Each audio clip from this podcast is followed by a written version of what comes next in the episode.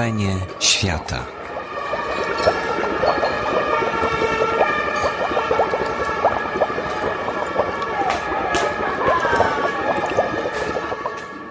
Witamy dzisiaj serdecznie naszego gościa znakomitej książki o ludziach gór i której nadzieję odpowiedział, stał odpowiedź, odpowiedzieć na pytania, które nurtują wszystkich laików himalaizmu.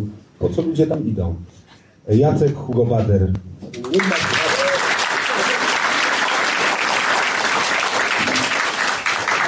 Jest bardzo miło i będzie mi miło poprowadzić dzisiejszą rozmowę z Jackiem i zapytać go e, o to, czego się dowiedziałem, czego się nie dowiedziałem z książki, czytając ją od deski do deski. No to siadajmy i zaczynajmy.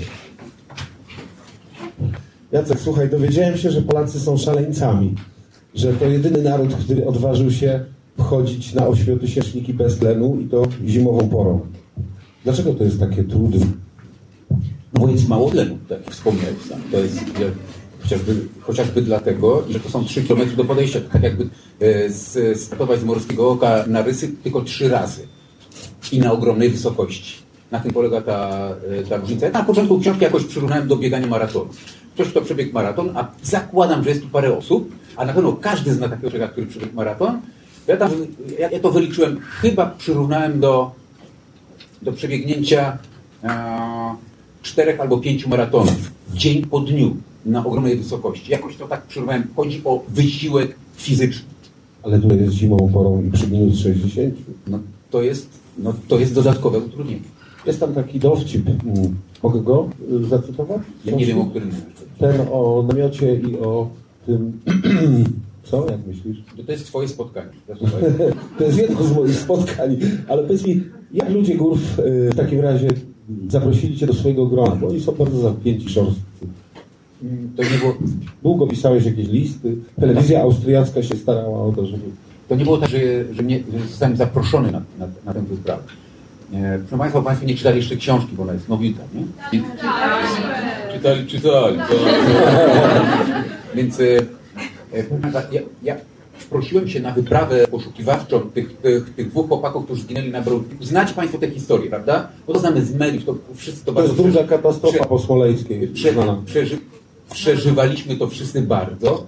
E, e, I ja też bardzo przeżywałem.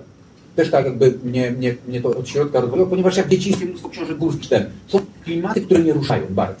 Więc ja e, także bardzo jak, jak, jak, wszyscy Polacy przeżywałem tą całą historię, śledziłem, byłem na bieżąco, a jak ruszył atak szczytowy, ja wiedziałem, że on rusza e, i to wtedy już wisiałem na internecie, e, w, w, oglądałem te, te, te telewizje 24 godziny cholerne i, i, i jak się okazało, że wróciło dwóch, a dwóch jeszcze jest w górze, to już powiedziałem, że coś jest, ja wiedziałem, ja, laik, wiedziałem, że coś już jest, jest e, nie tak. No i później było jasne, że oni zginęli. no, to była dla mnie kurde, prawie osobista tragedia. Ale jeszcze nie temat. Jeszcze wtedy zanim się nie zdecydowałem, gdyby ktoś mi zaproponował nawet za solidne pieniądze napisanie książki o Broadpeaku, absolutnie bym odmówił natychmiast, bez zastanowienia się. Aż do momentu, że us- usłyszałem, że Jacek Bertacz, brat Maćka, tego, który zginął tam na e, jedna z dwóch ofiar Broadpeaka, e, jak powiedział, że on jedzie odszukać swojego brata i, i Tomka Kowalskiego, żeby go godnie pochować, to o, to jest temat. I nikt mnie, oczywiście Łukasz tam nie zaprosił. Nikt, nikt nie miał w ogóle, nikomu tam do głowy coś takiego nie przyszło, natomiast to ja się wprosiłem. Słuchaj, z tego Na całego opisu, to ty byłeś tam jedną z najbardziej samotnych osób w tej wyprawie. I opisujesz, opisujesz tę samotność. Ale przypomina mi się coś takiego. Reporter bardzo często jest samotny. Ja nie mogę na wojnie, gdzie indziej, ale y, w tych ekstremalnych warunkach, wiedząc, że nie możesz liczyć na żadną pomoc. Tak samo jak tych dwoje, którzy też nie mogli, e, ty- tych dwóch panów, którzy nie mogli liczyć też na żadną pomoc. Oni to doskonale wiedzieli, No pomoc. właśnie. Ale Próbowałeś się wyjaśnić, kto zawinił, czy Raki, czy Bielecki. nie, w ogóle nie ma, nie ma takiej kategorii jak wina. W ogóle e, ja w ogóle nie chcę o tym myśleć, ponieważ jak e, e, e, e, zawierucha, która się zrobiła, r- jaskot, który, się, który, słyszeliśmy bardzo długo po tej wyprawie, właśnie powstał i był z tego powodu, że, e, że, że, że uczestnicy tego, tego, e, tej zawieruchy jakby sz- szukali winowajców. Mhm. W górach nie powinno czegoś takiego być. No, dlaczego? No, Dla mnie jest to proste jak drut. No przecież tam idą ludzie z wolnej woli. No i to Polską. Ale widziałeś Każdy ile... człowiek na świecie ma prawo się zabić, jeżeli Tak. tylko chce. My, na dodatek żyjemy w wolnym kraju, jesteśmy wolnymi ludźmi, dorosłymi, wolnymi, swobodnymi ludźmi, którzy wybierają takie życie. I oni wybrali takie życie. Oni po prostu no, no, uprawiają taką niebezpieczną dyscyplinę sportu. No, koniec, kropka. W ogóle kto tu może być winowaty? Więc o, w ogóle nie, ja, ja prawie w ogóle nie używałem tego słowa wina. Nie, nie chciałem używać, nie chciałem. Ale wielu bohaterów tak. No tak, ja sobie tylko do, do, dorzucałem swoje wszystkie rozważania, wszystko, jak zbierałem wszystko, co ludzie mieli do powiedzenia, co sam widziałem, nad czym sam kombinowałem, zbierałem do jednego worka i ten worek jest w postaci tej, tej książeczki ze złotym kolorem. Koniec. To jest, to jest taki, każdy, kto tam czyta, może sobie wykombinować, e, co się stało. Nawet nie wina, to jest winy, tylko co się naprawdę stało. No. Pisałeś, że więcej zamieszania i zawieruchy było podczas pisania nawet samej ksi- książki. Więcej się działo niż podczas wyprawy. Bardzo lakonicznie wspominasz i w krótkim rozdziale dość samo wejście twoje, samo przebywanie. W zasadzie po- potrafisz opisywać historię poprzez pryzmat tych ludzi, poprzez ich historię próbujesz opisać klimat tych gór. E, Ja jeszcze raz zapytam, e, na czym polega ten fenomen Polaków? A, y, dlaczego oni się tak pakują? Czy to nie jest szaleństwo zwykłe? Ja sobie tak e, Iść bez tlenu. Ja sobie tak z wdziękiem tutaj na, nazwałem jakieś, że to jest szaleństwo, amok. Oczywiście to są takie, takie literackie wykibasy, prawda? To można ten, użyć słowa jakiego chcesz. Reporter powinien miarkować to, co mówi, nie? Tak. Powinien pilnować swego pyska i, i, i w związku z tym no, sam sobie narobiłem kłopotów, prawda? Że, że no. Tam o byle słowo byłeś oskarżany. Tak, ja byłem i rozstrajgany przed wyjazdem. Dodatek e, ta, ta, ta wyprawa była organizowana gwałtownie. Tak. Nie tylko, nie, nie, nie tylko organizatorzy tej wyprawy, nie tylko ci, którzy ją jakby zorganizowali i, i przedsięwzięli, ale także ja, jakby do, jak, się, jak zostałem doadoptowany, to wszystko na gwałt wszystko było robione. W takiej trudnej jakby życiowej sytuacji zostałem na, e, e, e, poproszony o wywiad ja go udzieliłem, mój kumpel e, e, miał ze mną rozmawiać za tygodnika powszechnego. No i po prostu, no rzeczywiście kłapnąłem tam, dziobałem nie to, co powinienem, użyłem nie, niewłaściwych słów, jestem tego pewien. Na dodatek z regu- e, nie z reguły, ale nigdy nie, nie autoryzuję, e, nie autoryzuję swoich, swoich, swoich wywiadów, które udzielam. Razy już żałowałem tego, ale trzymam się twardo, że, nie- że, że nie dam, nie dam się, nie będę autoryzował. No i takie błędy są, na przykład ostatnio w Newsweeku, no, no, źle napisali tytuł książki, no. Może ulegli A Andrzej deterioracji. Leper mnie uczył, no nieważne co piszą, ważne, żeby nazwiska nie przekręcali. No. Więc, a, y, ale ty nie o to pytałeś. Dlaczego my jesteśmy, dlaczego Polacy postanowili zdobywać góry w zimie? Bo, bo, Deterioracja, nie, wytłumacz. nie, bo, bo, bo, bo, bo w lecie Był to kiedyś niedotleniony bo, mózgowo? bo, w lecie, bo w lecie, słuchajcie Państwo, już były one zdobyte. Bo w lecie było zdobyte. I w momencie, kiedy my, myśmy wyskoczyli z, jakby z, z tej naszej rzeczywistości, okazało się, że Polacy mogą jeździć w te wysokie góry, w te najwyższe góry, prawda, że okazuje się, że jak bardzo poprosi, to ci paszport, pasz, paszport dadzą. Więc i, i, i, i, stworzyło się jakieś takie środowisko tych naszych Himalajstów. Wszystko co najważniejsze było zdobyte. Trzeba było coś nowego wymyślić, a oni byli po prostu rewelacyjni, no wspaniali. I więc wymyślili sobie taką zupełnie oddzielną dyscyplinę sportu, która po prostu nikomu wcześniej nawet nie przyszła do głowy. Znaczy zdobywanie y, ośmiotysięczników w zimie. No, po prostu coś niesłychanego. No i rzeczywiście, jeśli na początku, ponieważ byliśmy pierwsi, no tośmy na, nakosili tych ośmiotysięczników, te, które były szybko, dość łatwo do, do, do zdobycia. No i później tam parę osób jeszcze się do tego włączyło, prawda? To parę osób. No, trzech cudzoziemców, no poza nami. Tak, no. Więc e, i, i tylko Polacy jakby na razie mają jakby ten taki e, szalony ciąg, e, e, który, który czasami owocuje jakimś sukcesem. No to, no to tyle mogę powiedzieć o tym, o, o, o, o, tym na podboju Hi, Himalajów i, i Karakorum przez Polaków. Jakby ta złota dekada się skończyła mniej więcej 10 lat temu, no 20 lat temu się skończyła i już nie odnosimy takich sukcesów, bo, ponieważ to, ponieważ to, to jakby wyznaczyli sytuację jako cel, to co było dostępne, już zostało zdobyte. Tak, przez Polaków było, yy, rzecz jasna. Teraz by trzeba było wymyślić jakąś inną dyscyplinę sportu. Oczywiście już dawno wymyślili, że się wchodzi bez tlenu, że można wchodzić metodą alpejską, już można robić takie, tak, takie zawody, kto szybciej będzie wchodził na, na mierzy się czas, że, y, że absolutnie trzeba się zmieścić w jednej dobie, a jeszcze lepiej w jednych 12 godzinach. Jak już wszystko to zrobią, to będziemy mieli dyscyplinę sportu, na przykład z fortepianem na plecach. Z workiem cementu. Właśnie takie szyderstwa, niedługo będzie w Gazecie Wyborczej fajny, fajna moja rozmowa z profesorem Hołówką, e, to jest e, etyk i filozof, którego poprosiłem o przeczytanie mojej książki, kiedy ona jeszcze, jeszcze jej nie było w księgarniach i, i sobie po prostu rozmawiamy na, e, o tym wszystkim. I on jest bardzo krytyczny wobec tego, e, wobec e, jakby tego sportu, porównuję do walki gladiatorów, no i wtedy sobie używamy. Ale tu nie będę Państwu opowiadał tekstu, który jeszcze nie jest napisany. I no właśnie. No właśnie. mieliśmy na, o, rozmawiać, która jest napisana. To może o deterioracji porozmawiajmy. To jest ciekawy aspekt tego, No, tej wspinaczki. Czy to szaleństwo nie wynika właśnie z tego, y, z tego powodu? Tam też jest rozdział poświęcony temu Tak. zjawisku medycznemu. Mówiąc o deterioracja, to jest po prostu wyniszczenie organizmu, która, y, która może się zdarzyć w górach, y, w wysokich górach, na dużych wysokościach. Tam, gdzie jest mało tlenu, kiedy jest to powiązane z, z ogromnym wysiłkiem, a prawdopodobnie, ale to nie jest, y, nie jest jeszcze takie pewne i oczywiste, no, tak, także te- stres bardzo to przyspiesza.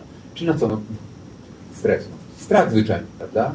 Y, może to przyspieszyć i deterioracja szybciej następuje, to jest najprawdopodobniej, też nie jest jeszcze pewne medycznie i udowodnione, że w zimie ona szybciej następuje.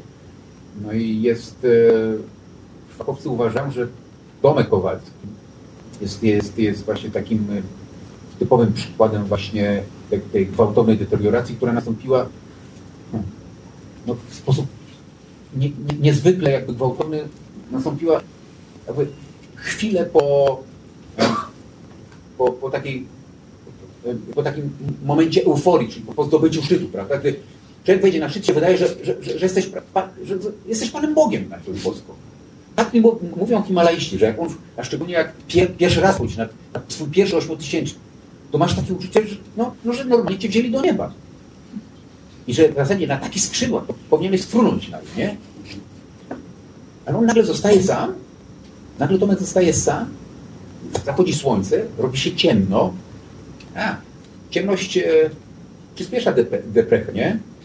Potęguje doła, robi się ciemno, jeszcze zimniej, straszliwie zimno, przerażająco zimno się robi i on jest sam.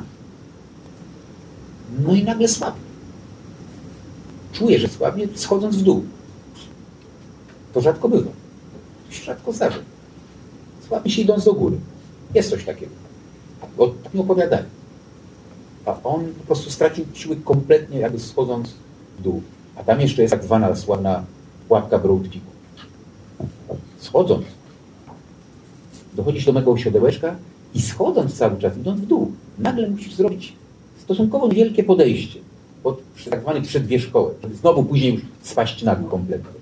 To jest właśnie ta niezwykła ta, ta, ta, ta niespodzianka i, i ta pułapka, w którą wpa- wpadało tam wielu, wielu Himalajów.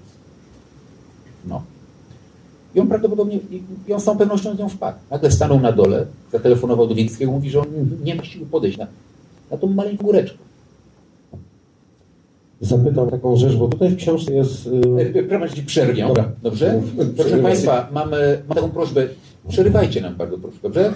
Nie, nie czekajcie na to sakramentalne pytanie Łukasza, a może ktoś ma w pytanie. każdej chwili, Tylko proszę w każdej państwa, chwili. o- Możecie przerywać, kiedy, Tak. kiedy tylko chcecie, na luzie, nawet no, ale lepiej po kropce zawsze, dobra? Ale już tylko wystarczy mrugnąć okiem, ręką tam, czy, czy po prostu powiedzieć, dobra? To będzie lepiej.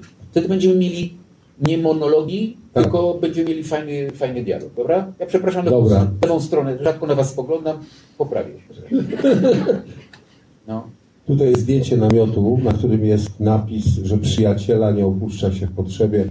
Ty dodałeś w książce albo zmieniłeś to, nie wiem czy świadomie, na partnera nie, y, nie opuszcza się w potrzebie.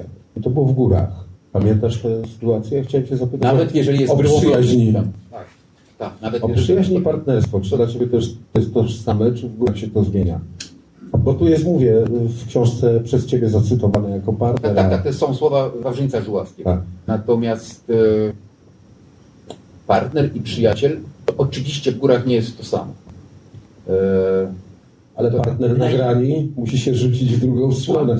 Partner na grani musi się rzucić w drugą stronę. I to gwałtownie, żeby ratować swojego partnera. mówi o tak zwanej lotnej asekuracji. To jest taka szczególny sposób asekurowania się, czyli zabezpieczania się, kiedy, kiedy jesteś rzeczywiście związany liną. Y, Link polega na tym, że jak idziesz po grani, na przykład do góry, ale niekoniecznie, może być zupełnie poziome grani. Idziesz po tej grani i idą ludzie i oni, zwana lotna asekuracja polega na tym, że nie są przywiązani do, y, do podłoża, do ściany.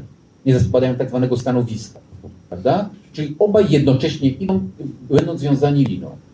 I polega na tym, ta lotna asekuracja, taki, taka trudna sytuacja może nastąpić, że któryś z partnerów odpada, spada na jedną albo drugą stronę ściany, prawda? Z granic. Norma. Musi na którąś stronę polecieć, nie ma gadania. Ten, który, który idzie za nim, powinien skoczyć na drugą stronę. I wtedy zrobią takiego pająka, zrobić przeciwwagę. Oczywiście ten, e, jeżeli ten, ten który idzie z, z tyłu i, i też leci, on powinien krzyknąć lecę, ten, co idzie z przodu, powinien się odwrócić, sprawdzić na którą stronę i też mrąć się na przeciwną stronę. Kapujecie Państwo, co to jest? E, czy trudno sobie w ogóle coś takiego wyobrazić, nie? Masz po prostu hulnąć w przepaść. E, historia zna takie przypadki, oczywiście. Naprawdę. Himalajści, alpiniści, wspinacze, taternicy robią takie rzeczy. To się zdarza. Tak, ja znam, znam sporo takich przypadków. Nawet tam w Himalajach by- były takie opowieści. Jeden z partnerów nie przeżył tego skoku. No i ten kumpel, który przeżył, no musiał go odciąć i przyczepił się do ściany i zasekurował się, jakoś zautosekurował się i musiał odciąć tego kumpla, no i w ten sposób jakoś uratował chociażby swoje życie. Założył, że tamten, skoro się nie rusza, nic się nie dzieje po drugiej stronie tej liny. Nie widzę. Nie mogą się ruszyć, jest jakaś taka... No to, było, to była historia, e, której... E, możecie sobie wygooglać, to na Maszebrunie się zdało, przy- przytrafiło się po, e, Polaków. Ja nawet nie googlałem tego, bo wiedziałem, że to, to się nie nada do mojej historii. O coś chciałeś zapytać? O, e, o właśnie, że pa, partner, a przyjaciel. Pana, No pewnie naiwnie byśmy bardzo sobie winszowali, żeby, e, e, żeby, żeby partner w górach był twoim przyjacielem, ale oczywiście tak nie jest. W obecnej dobie, proszę Państwa, partnerzy często skrzykują się internetowo. Wyobrażacie sobie? Bywa, że ludzie skrzykują się na wyprawę, a kompletnie się nie znają. Zimowa wyprawa na Broad Peak także była w troszeczkę w podobny sposób e, zorganizowana. Mm, Tomek Kowalski został, tak można powiedzieć, wirtualnie dołączony, bo on nie znał pozostałych, nigdy się nie widział z pozostałymi członkami, e, czy członkami tej wyprawy. Heiser, który go kwalifikował do te, e, na tę wyprawę, zobaczył się z nim, wiek nie umiałem powiedzieć, raz, a może dwa. Heiser, dodajmy, też już nie żyje. też już nie żyje, tak. To, to, jest, to jest główny organizator, prawda, twórca programu Polski Himalajzm Zimowy. I e, uważam, że powinien częściej się z nim, więcej się z nim widzieć. Dlaczego? Lepiej by poznał tego chłopaka.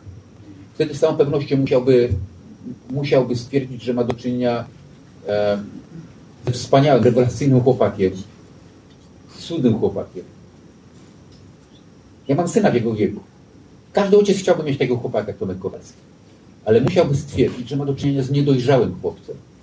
Tomek Kowalski ma prawo, miał prawo być niedojrzały, miał 26 lat. 26 lat. Ja miałem zdychę więcej, kiedy zaczynałem, kiedy dojrzałem.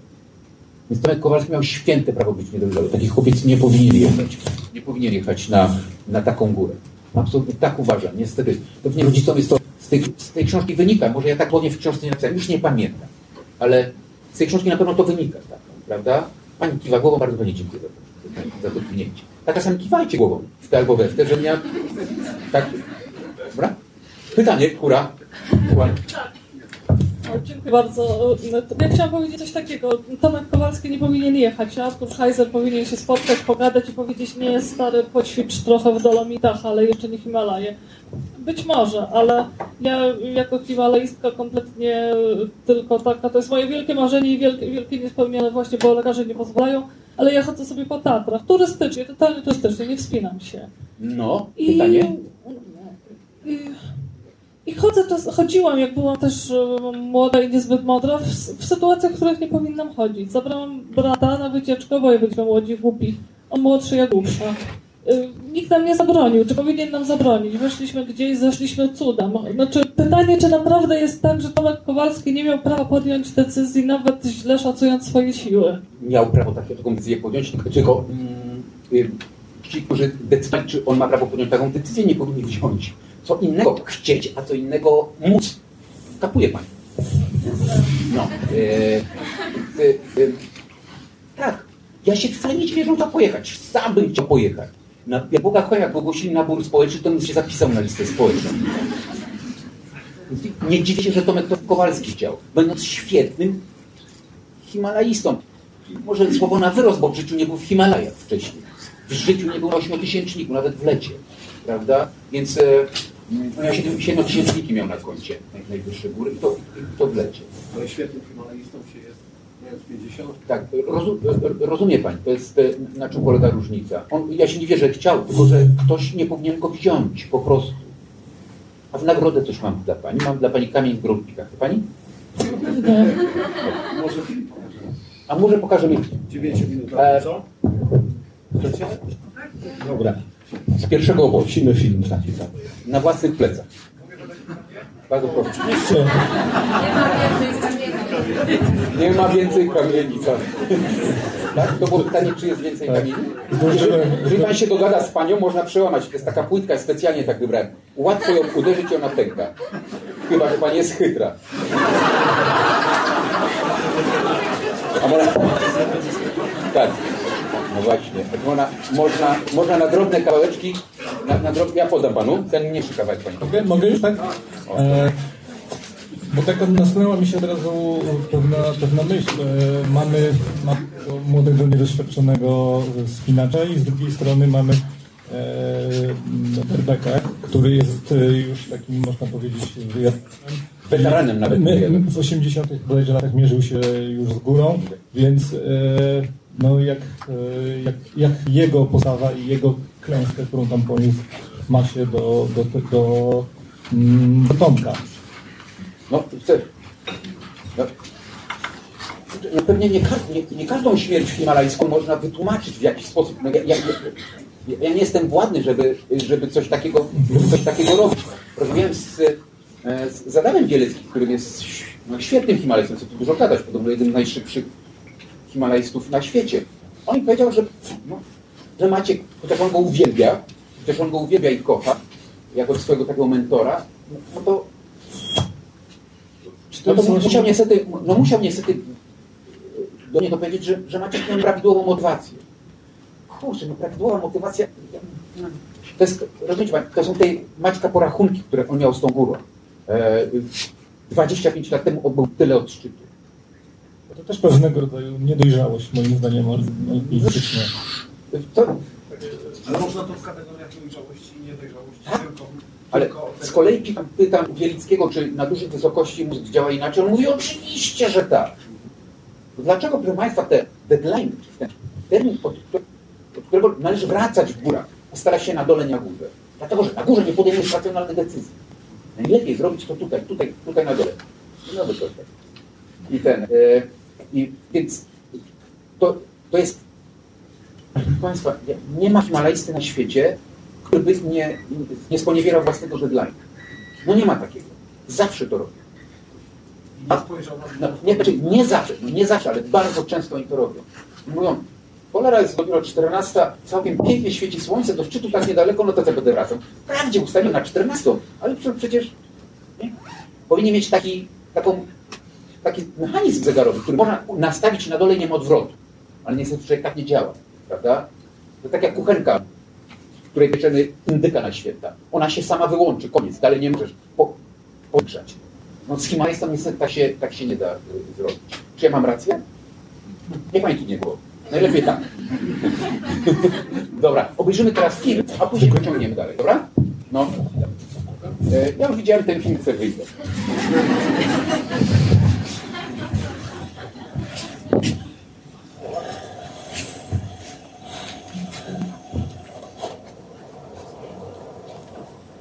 Potem się.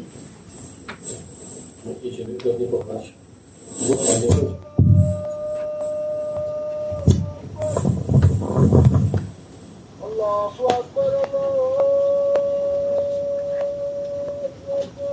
To, to pojedynek z czasem, co leczy, to znasz, no.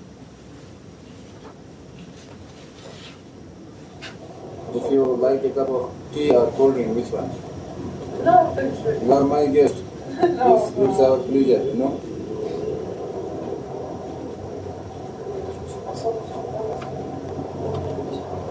Cholerę ty sobie kupiłaś sama ten pierścionek.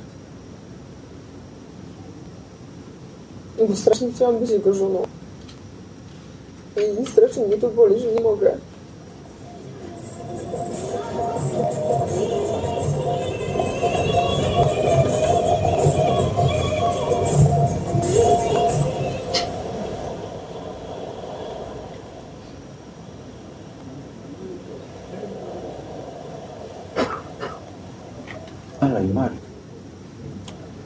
Marszą się tak kombinują, żeby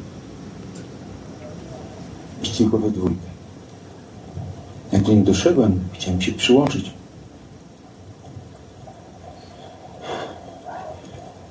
Też stanęli i czekali, aż ich wyprzedzę i pójdę sobie precz. Do przodu. Zbliżałem się do grobu Pita. O, to Marek.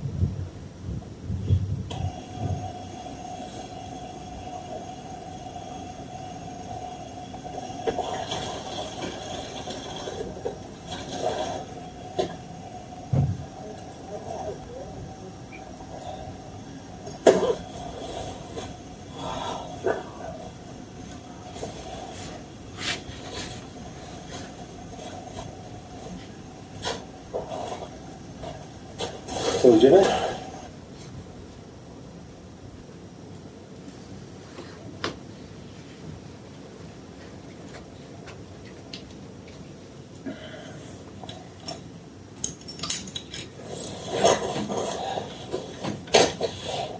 Trzymaj się, wszystkiego dobrego, trzymajcie się, ostrożnie.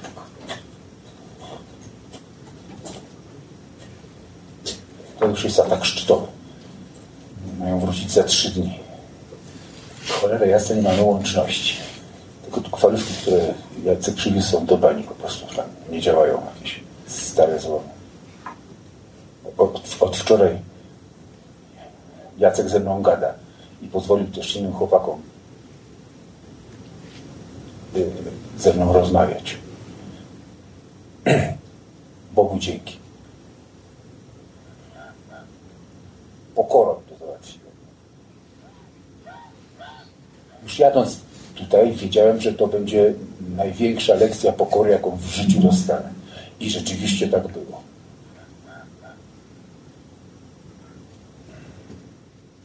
Bo rzeczywiście jest to facet z piekła rodem.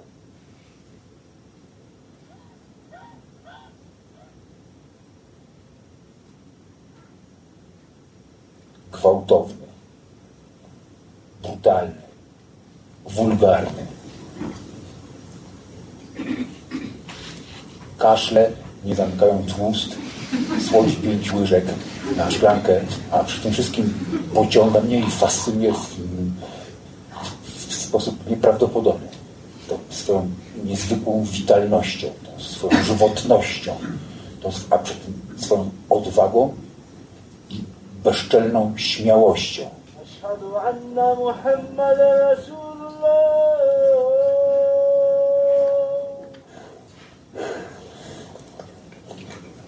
أشهد أن عليا ولي الله.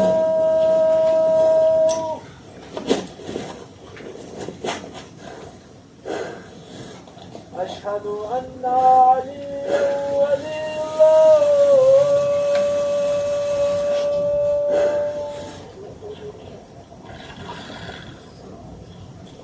حي على السلام.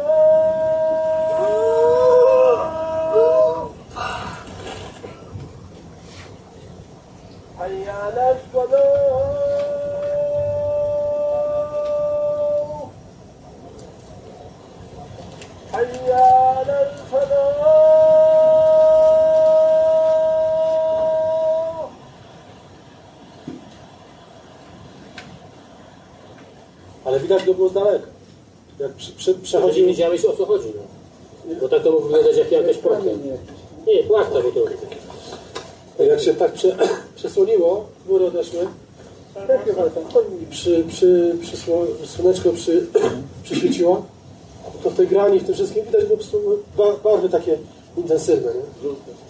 Nie, nie czerwony. Nie, czerwono-czarny. Nie, no czerwono-czarne wszystko.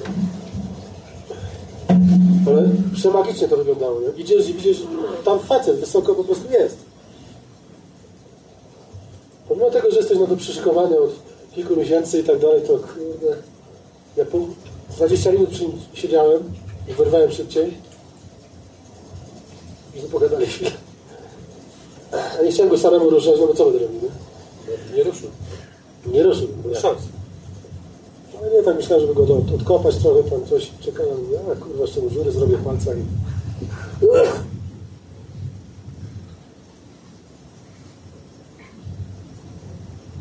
Zwyczajnie go pochowaliście.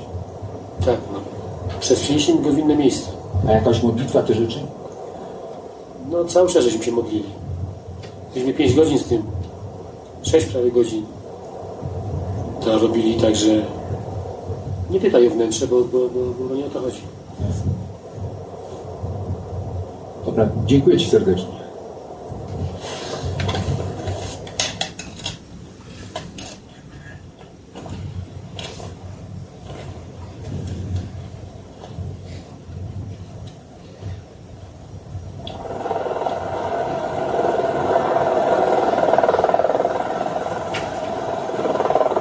Jacek, ka- karawana rusza, oni się zwijają? Prawa się skończyła. No, no, no, no. A my? Kurwa, no to ślady. My, my dwaj? Tak.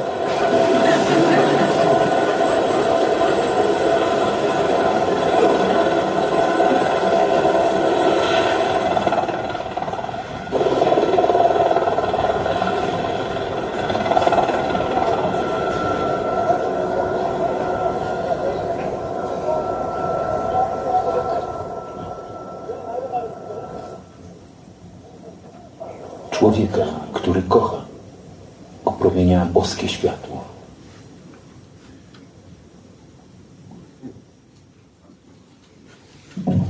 Pytania? Pytania? Przepraszam. Coś za głośno. Ja nie, nie umiem włączyć.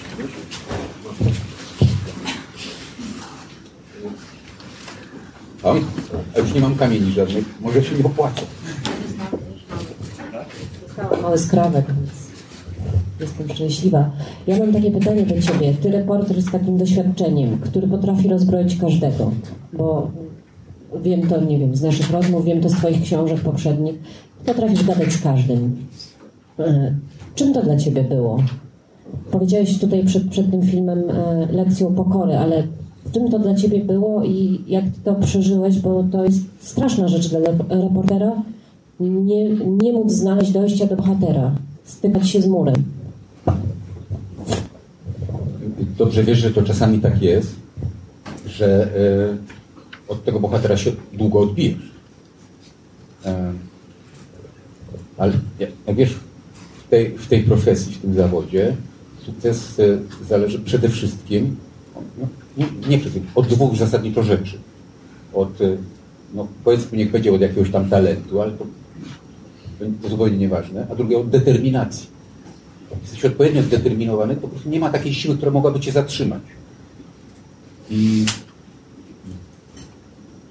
tak długo się dobijasz do, do tego swojego bohatera, to ja używam dosadnych słów, ale to nie o to chodzi, żeby być e, gwałtownym. Jesteś tak cierpliwy, tak długo do niego drążysz, tak długo do, docierać, tak długo z nim rozmawiasz, tak długo tłumaczysz, że w moim przypadku najczęściej się to udaje. Uwaga, nie zawsze. Ja, ja, ja zostałem nauczony. Przeszedłem parę lekcji pokory w swoim życiu. Y, Także to nie zawsze mi się udaje. E, Moja pycha parę razy została jakby, y, jakby skarcona. Także y, i, i tak, tak, podobnie miałem w tym, przy, w, y, w tym przypadku. Y, Ludzie, z którymi pojechałem, ja pojechałem w maleńkiej, siedmioosobowej społeczności, tak, która i ja byłem jedynym człowiekiem, który miał y, nieosobistą motywację, żeby tam pojechać. No może to nie do końca jest prawda, trochę osobistej miałem tej motywacji. y, Uciec z, y, Pisał Pan o tym, że to był kiepski rok, że był Pan bardzo.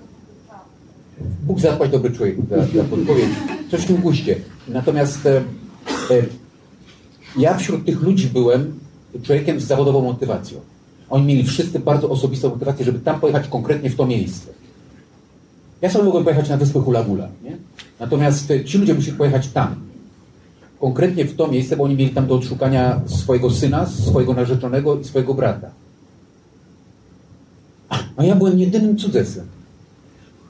Już musicie Państwo słyszeć, że skrzypi jak tylko mówię, nie? A ja tam jeszcze byłem. I po prostu skrzypiałem na każdym kroku. To, to, Ale ja, oni się zgodzili przecież na samym początku, Pan pojechał. to jest, no, to, to, no, sytuacja wygląda tak, że no, szef wyprawy, szef wyprawy mnie przyjął do, y, do tego, y, do, do tego kombo. Inni ludzie, inni członkowie tej ekspedycji nie mieli wpływu na to. No, no po prostu zostałem, znalazłem się wśród, wśród nich. E, z tym, że wydawało mi się, że oni mnie że zaakceptowali. Ja e, zrobiłem wszystko, żeby możliwie e, u, jak najbardziej ułatwić im to moje przyjęcie do tego, do, do, do, do, e, tej grupy. Ja byłem u nich przecież przed wyjazdem. Ja sobie wy- wykombinowałem coś takiego, wydawało mi się, że to jest bardzo mądre i do tej pory uważam, że to, że to było dość mądre. Że y, y, rozmawiałem z moimi bohaterami trzy razy przed wyjazdem, musiałem do, do nich pojechać i z nimi się spotkać i porozmawiać. Znaczy posadzić, postawić przed kamerę i, i dwie osoby plus, plus, ten, e, plus, ta, plus ten przedmiot e, elektroniczny i, i, i gadam. To był pierwszy raz. Drugi raz tam na wyprawie ich mam, a trzeci raz y, po przyjeździe, już po jakimś czasie. A to w przypadku niektórych bohaterów nawet było parę miesięcy po. E, to był dobry pomysł. Czy oni za każdym razem byli inni? A wiesz, kiedy byli najbardziej inni? W górach? Po, po wszystkich.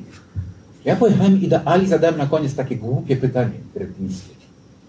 Ale ja musiałem je zadać, bo nic na to nie poradzę. Ja widziałem, y, zadając je, wymyślając je.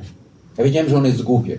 Ale wiedziałem, myślałem, y, y, instynkt, instynkt mi podpowiadał. Nie umiem teraz wytłumaczyć, dlaczego uważam, że ono nie jest takie głupie. Ale instynkt mi podpowiada, że muszę je zadać. Pytanie, czy odczuło jakąś ulgę? Chyba powinienem zapytać, nie?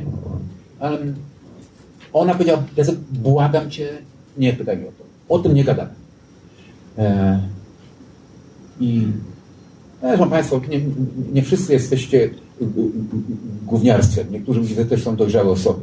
I dobrze wiecie, że te, ta opowieść z czasem, co leczy rany, ona nie do końca jest prawdziwa.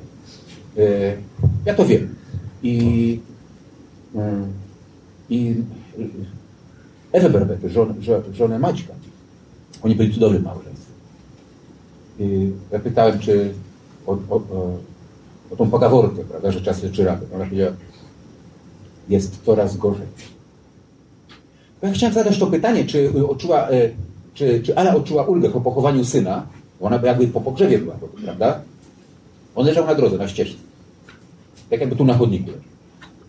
I czy ona odczuła, e, e, czeka mi myśl, ulgę, ulgę, ulgę, no dobrze. Em, czy y, ona odczuła ulgę? Bo ja wiedziałem, że jest coś takiego, że trzeba przeżyć żałobę i pochować człowieka. I wtedy można zacząć jakby dochodzić do siebie. Ja się zajmowałem ludźmi, którzy jakby pisałem wcześniej w swojej biografii, mam e, reporterskie teksty o właśnie o przeżywaniu żałoby. Sporo, wydaje mi się, o tym wiem. Znaczy wiem powyżej średniej krajowej, o. I, i, I bardzo istotny jest ten moment pochowania człowieka. To jest ten przypadek ludzi, którzy na przykład biorą prochy bliskiego i nie mogą się z nimi rozstać i stoi na, stoją na kominku. Kapujecie? Nie można wrócić do normy i do życia, dopóki te prochy tam stoją. Wiele osób mi o tym powiedziało. To jest niemożliwe. Trzeba wreszcie zrobić takie symboliczne rozstanie z tym, z tym człowiekiem.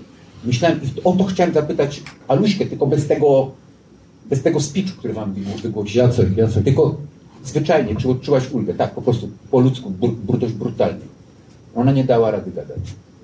Czy ty jako reporter, dziennikarz odczułeś ulgę swojej ciekawości? Czy wystarczająco dobrze ten temat Ulgę. Nie, no, no oczywiście nie wystarczająco. Wyczerpałeś. Nie, nie wystarczająco dobrze. Wcale nie uważam, że jakby wszystko, wszystko w tej książce mi się udało jakby zrobić. I to, to jakby, im starszy jestem, tym ma więcej pokory wobec tego, co robię. I coraz mniej mi się to podoba za każdym razem. Jakby to jest nie, wiem, że jest zawsze nieskończone. I mógłbym nie, w nieskończoność jakby tak poprawiać. To jest, e, to jest niezwykłe. Jest paru reporterów, paru dziennikarzy wiecie, jak na przykład ze skracaniem tekstu. Się ten, ten tekst jest nie do, nie do skrócenia ten tekst jest. A oni ci mówią, że masz spuścić go o połowę. Mówię, jak o połowę? On jest taki skondensowany. To jest niemożliwe. O połowę. Więc e, i jedziesz po tym tekście, czytasz go i skracając, no i widzisz, że skróciłeś o jedną piątą. Mówisz, no teraz, no to już po prostu, on jest po prostu suchy jak wiór, ten, ten, tam nie ma kropli wody. Który rozdział wydłużył? Wykluczone, skracaj dalej. Czytasz jeszcze raz. I, I kilka razy to robisz, okazuje się, że ciągle można. Tylko, widzisz, wiem. Widzisz, który byś wydłużył? E, Ja, ja znowu nie wiem, dlaczego to powiadam. Tak? Musisz. E, e, dobra. Dla E, czytelników. No, pani, zapytam ją. Ja zapytam, bo ja tak jakoś nie do końca wierzę. Im bardziej pan mówi o tym zgrzycie i o tym, co, co, co tam się działo, no tak, słuchać ten zgrzyt, więc bo ja nie do końca wierzę w taką właśnie zawodową motywację do wpakowania się w tak trudną y, sytuację. No to o, o co? No właśnie, właśnie, po co pan w to pojechał z nimi? E, to motywacja, proszę Państwa, ja, ja, ja już jestem takim reporterem w takim wieku, no, przepraszam za słowo, z takim dorobkiem, że już robię wyłącznie rzeczy, które, e, które mnie osobiście obchodzą. Mnie temat po prostu musi wziąć za gardło, szarpnąć, przewrócić na ziemię, poturbować, po, poharatać i ja wtedy dostrzegam go. On wtedy dopiero dla mnie ma wartość, ma jakość taką. To wtedy warto, warto się jakby z tym tematem zaprzyjaźnić, zakolegować i być z nim, bo do cholery ciężkiej masz, poświęcisz mu rok swojego życia. Kto wie, czy nie najlepszy rok swojego życia. Nigdy nie wiesz, który, który rok twojego życia będzie najlepszy, a który będzie najgorszy. Nigdy to nie wiesz. Ja mam nadzieję, że ten najlepszy mój rok jeszcze jest przede mną. Ale to, to mo- mogę być w mylnym błędzie, jak mówią w Gdańsku. I, no właśnie, i, więc y, ma Pani tutaj świętą rację o tyle, że ja, e, no, no, no, że mnie to osobiście obeszło. Ja się osobiście zaprzyjaźniłem z tymi ludźmi. Ale ja ich polubiłem wszystkich. Nawet ludzi, z którymi jakby byłem w, jakby w ciągłym starciu. Jeżeli mnie Pani zapyta, czy ja lubię Jacka Berbekę, to ja Pani odpowiem najuczciwiej, że na swój dziwny, osobliwy sposób tak. To jest, e, on jest dla mnie, o, o, może lepsze słowo, jest szalenie dla mnie pociągający. To jest bardzo dużo, to jest bardzo silne uczucie jednak. I ja wiedziałem, wiedziałem, że, że, że znajdę się w szczególnej sytuacji. Ja wiedziałem, bo Jacek Berbeka przy mi powiedział, że idziemy w siedem osób. Mówię, kur- rodzice? Jezus, jak narzeczona. Jezus, ale temat. No temat jak diabli, nie? No, słuchajcie, to jest temat jak jasna cholera. Ja może nie udźwignąłem tego tematu, ale, ale, ale wiem, że to jest fenomenalny temat. Ja aż się dziwię, że do Jacka się nie ustawiła kolejka reporterów. Wiecie, że w Krakowie napisali książkę o Broadpiku? Młode chłopaki, kurwa, żaden nie pomyślał, żeby za, zabrać się z nimi na ten Broadpeak. Jezus, ja po prostu nie mogę tego zrozumieć.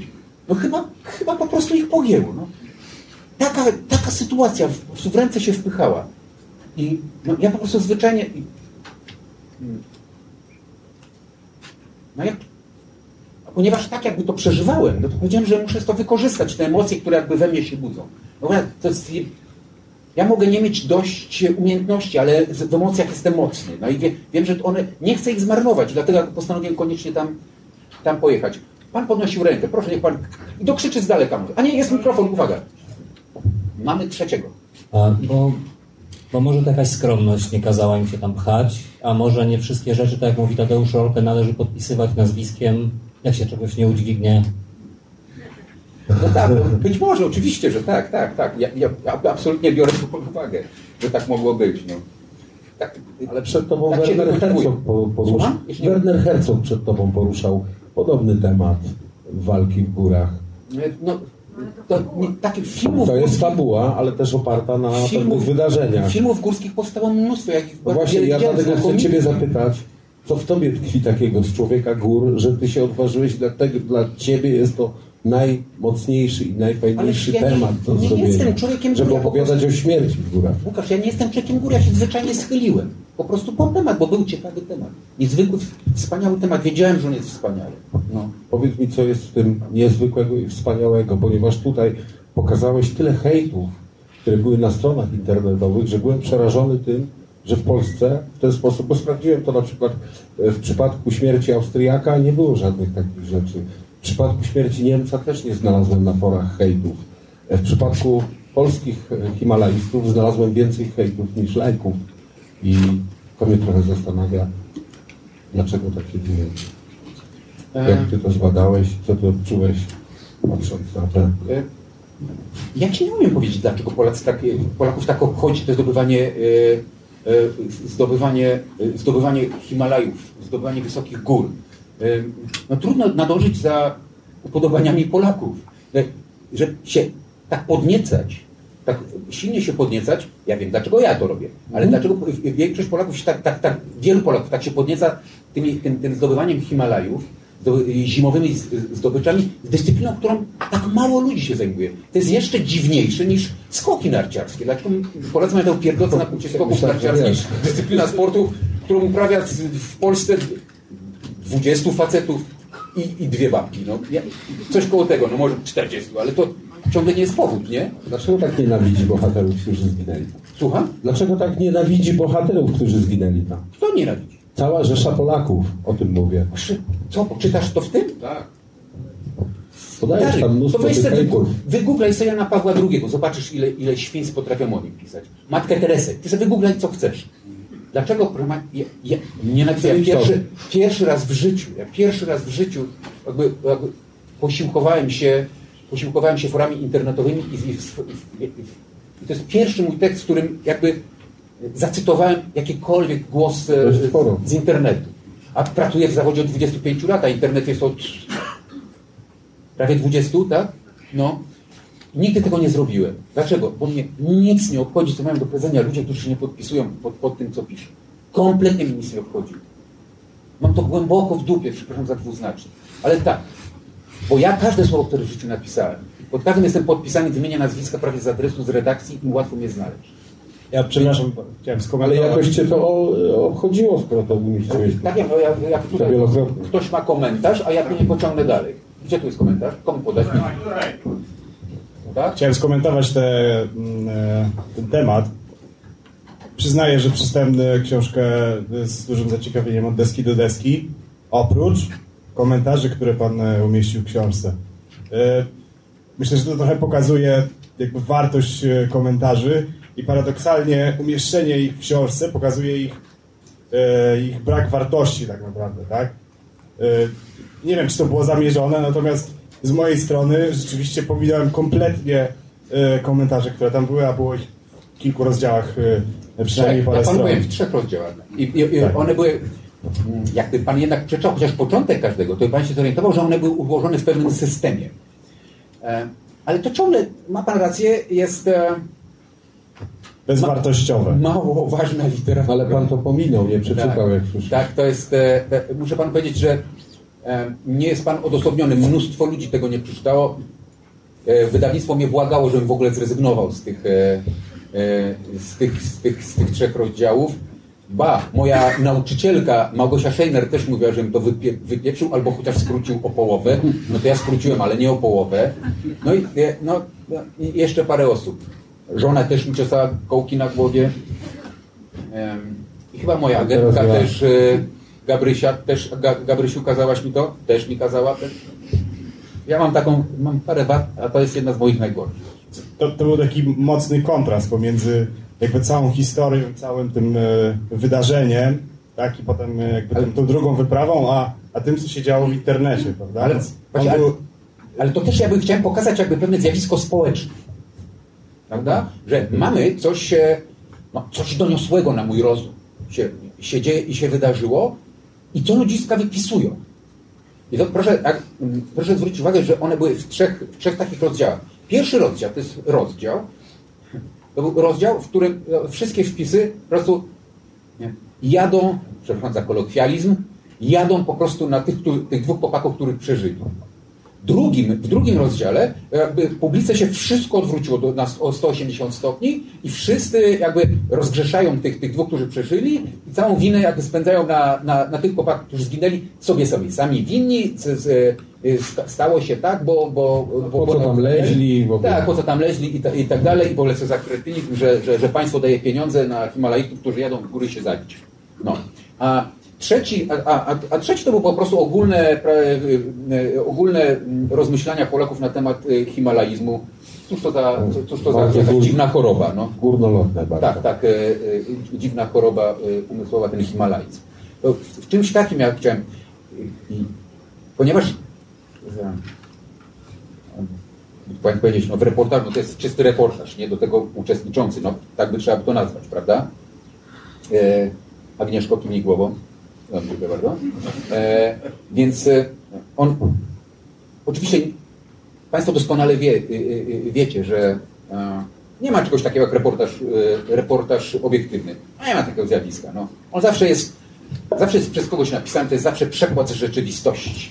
Powiadam to, to, co cytuję za Gałczyńskim, który mówił tak o poezji, ale mnie to cholernie do reportażu pasuje. Bo to zawsze ktoś napisał, jakiś człowiek. To zawsze jest rzeczywistość przepuszczona przez mózgownicę jakiegoś człowieka. Przez jego umiejętności, przez jego talent, przez jego, przez jego widzenie świata, przez jego oczy, uszy, powonienie, smak. To, to, to wszystko jest przez to przerobione. Więc Jest to przekład rzeczywistości. Więc do czego dążę? Nie ma obiektywnego reportażu. Prawda? Ale, więc, ale reporter powinien stawać na głowie, żeby to było obiektywne. No i ty stanąłeś, bo z każdej Nie, strony jest jakby z nie stałem, starałem się. Starałem się, Ja jak jasna cholera. Nie wiem, ale to, muszę pan, pan powiedzieć, że po, po reportażach to widać, czy ktoś się bardzo starał, czy nie bardzo się starał. Więc ja, ja bardzo się starałem. Oczywiście widać mniej więcej, co ja myślę. No, no, nie, nie oszukujmy się. Sam widzę. Ale chciałem być jeszcze taki dosadniejszy i, e, i wiele z tych pisów, przecież ja miałem Oczywiście chciałem machnąć miliony, nie, bo tak ładnie, ale miałem tysiące różnych pisów internetowych, wy- wybierałem wśród dziesiątków tysięcy wpisów. Jakoś musiałem wybrać. Wybrałem jak? A tak se. Te, które mi podchodziły, które, które mi pasowały, które mi bardziej podchodziły, albo wydawały mi się, e, miały jakąś urodę, jakąś smak, jakąś kwiecistość. Coś było takiego wkusnego w tym wszystkim, że wybrałem akurat ten. Prawda? E, e, lecz się na nogi, bo na głowę za późno. Bez sensu wpis. Po cholerę w książce, szkoda miejsca. Mm. W tym kontekście mi pasował. A wiele wpisów to było przemycanie moich własnych myśli na ten temat. Jakby skorzystałem z cudzych słów, żeby przemycić swoje. Wiecie, co chcę powiedzieć. Tylko, że wy na szczęście nie wiecie, które to są. I ja oczywiście tego nie powiem. Bo staram się, żeby to było obiektywne. No, staram się. To tyle. Tak, to cześć. Pytanie? U- Dla, dla żony uścisnij. Ja mam takie pytanie, mam nadzieję, że się nie obrazisz o nie. e, Nie, ale bo tej książce widać, że ty się zmagasz z tą materią. E, Tam później, no, później to zawsze się reporter zmaga, ale e, co w twoim odczuciu e, jest twoim sukcesem w tym temacie, a co się okazało porażką? A nie mogłaś do mnie wcześniej napisać Emali na ten temat? Nie, bo ja wiesz co, bardziej lubię przez telefon albo osobiście. Nie lubię bardzo e-mail. Ech. A ja uwielbiam emalię, ponieważ można, proszę Państwa, nad każdym słowem pomyśleć dobrze, nie? I wtedy krócej się, wtedy odpowiedzi są krótsze, dosadniejsze. Nie ma nic lepszego dla reportera niż dosadność stylu. Ten rozwodniony styl jest okropny. Dlatego nie lubię długich książek grubych. Powinny być cienkie. Szczególnie dla dyslektyka jest to ważne. Zapomniałaś? Szkoda. Co uważam za...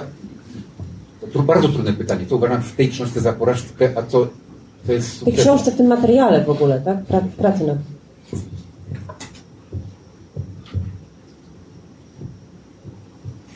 Em, Już wiem, że książka się dobrze czyta. Koleżanka weszła do wanny i czytała ją w wannie i się cała pokurczyła, bo wyszła dopiero jak przeczytała do końca. To był bardzo świetny komplement. Dostała zapalenia płuc, przy okazji woda wystygła. A nie mogła dopuszczać, bo siedziała na korku. Dopuszczać się... Je rozwijam. To już druga połowa tego akapitu była literaturą, a nie reportażem. A to było porażką. Mam taką porażkę. Ona, ja wiem, że ona jest porażką. Że nikt tego nie powiedział, ale ja wiem, że to jest porażka. I ona była nie do uniknięcia, moim zdaniem. Dziękuję, że wpadliście.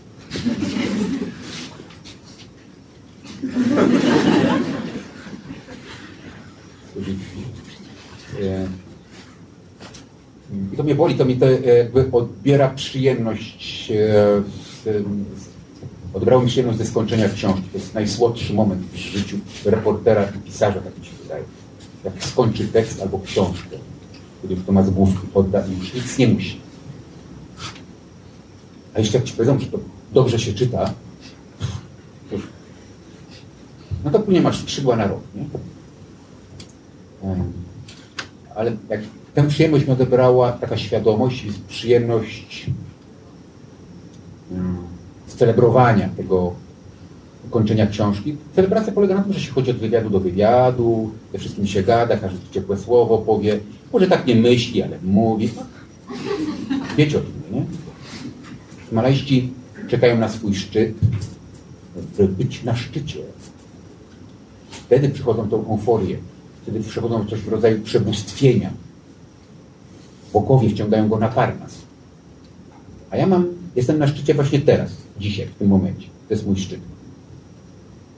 Autor na takim spotkaniu jak dzisiaj, czy na, spotkaniu, e, e, na tak zwanej promocji, to jest jego, jego, jego szczyt. Potem już jest, schodzi na dół i rozpoczyna atak na następną górę. Na którą wejdzie mniej więcej za rok, za dwa, za trzy lata, zależy jak często pisze książki. Też on się zakończy, zakończy wejściem na szczyt. Może być mniejszy albo większy szczyt. Dzisiejsze spotkanie zaliczam do prawie w moim życiu do prawie 8 tysięcy. Bardzo wysokie. Ale zapytałeś mnie, cały czas uciekam od odpowiedzi. Ja wiem, teraz mam dyscyplinę. Mam, i mam jedno to coś, co mi te wejście na ten szczyt jakby e, psuje przyjemność, rozkosz tego wejścia na szczyt i w ogóle przyjemność cele, celebrowania e, kończenia książki. Pisanie książki, czegoś takiego, szczególnie przez kogoś takiego jak ja, który pisze całym sobą, cał, wszystkimi, wszystkimi sokami, jakie w sobie ma. Pisze krwią, potem i łzami. Wypruwa z siebie flaki, żeby, żeby te flaki było widać. Flaki autora, żeby było widać. I, że czasem kapujecie, że to metafora, nie? Ale żeby widać, że on to całym sobą, że on strasznie chciał zrobić. Może mu się nie udało, ale strasznie chciał, żeby było dobre, żebyście wy mieli jakiś z tego profit. Żebyście nie sądzili, że, że wyrzuciliście w łoto cztery dyszki. Żeby to, to, żeby to było coś. I co mi to wszystko psuje? Jedna zasadnicza myśl, że ja mogłem, nie to, że mogłem, ja mam świadomość, ja, ja mam ja mam wielką obawę, że ja sprawiłem przykrość rodzicom Tomka i jego narzeczonej. Że oni nie tak by chcieli, żebym ja to napisał. Ja wiem, że oni tak myślą. Oni do mnie nie zadzwonili, nie napisali. Ja to czuję, chociaż jesteśmy oddaleni o 300 kilometrów. Czuję to przez skórę. Odbieram te wibracje. Jestem pewien tego, wiem. To chyba dobrze. Niedobrze. Chciałbyś napisać tak, jak oni by chcieli, żebyś napisał? Niedobrze, ale ja, ja wiedziałem, że ja w zasadzie już zbierając materiał, będąc tam z nimi na tej górze, wiedziałem, że ja napiszę nie tak, jak oni będą chcieli. Że to ich zaboli. Że to ich musi zaboleć. Dlaczego? Ale ja nie mogę tego uniknąć. Dlaczego? Ponieważ ja wiem, że ja muszę być uczciwy przede wszystkim wobec kogo? Wobec was i wobec siebie. W takiej kolejności, albo nawet w odwrotnie. Ja przecież nie mogę pisać wbrew siebie. Ja nie mogę pisać inaczej niż myślę, niż sądzę. Bo wtedy nie ma żadnego sensu pisać książek. Kurwa beletrystyki nie wolno pisać inaczej. Nie możesz pisać przeciwko sobie. To tak jakbyś pisał pod zamówienie. Chociaż Szostakowicz napisał symfonię stalinowską i jest fantastyczna. Ale może myślał o kimś innym, tylko tytuł taki dał. Bach też pisał To wcale, to, to, a, to jest, uważam, że teraz na poczekaniu wymyśliłem dobry, dobry, dobry przykład. E, Ja nie mogłem tego pisać jakby wbrew sobie. Tego nie wolno robić. To byłby straszliwy grzech wobec w ogóle reportażu, wobec literatury faktu. Ja bym zgrzeszył śmiertelnie wobec wszystkich czytelników i mógłbym po prostu jakby zniszczyć swoją umiejętność, swój talent. I jedną rzeczą, to, to, to coś można zepsuć czymś jednym, je- je- jedną, jednym kompromisem zasranym. To ja mam pytanie. To Proszę dla- bardzo. To dlaczego nazywasz to porażką? Dlatego,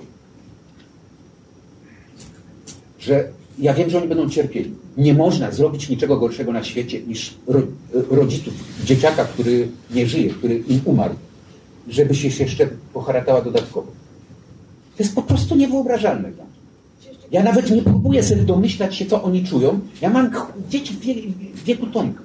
Ja nawet nie próbuję się domyślać, co oni mogą, co oni mogą przeżywać i czuć.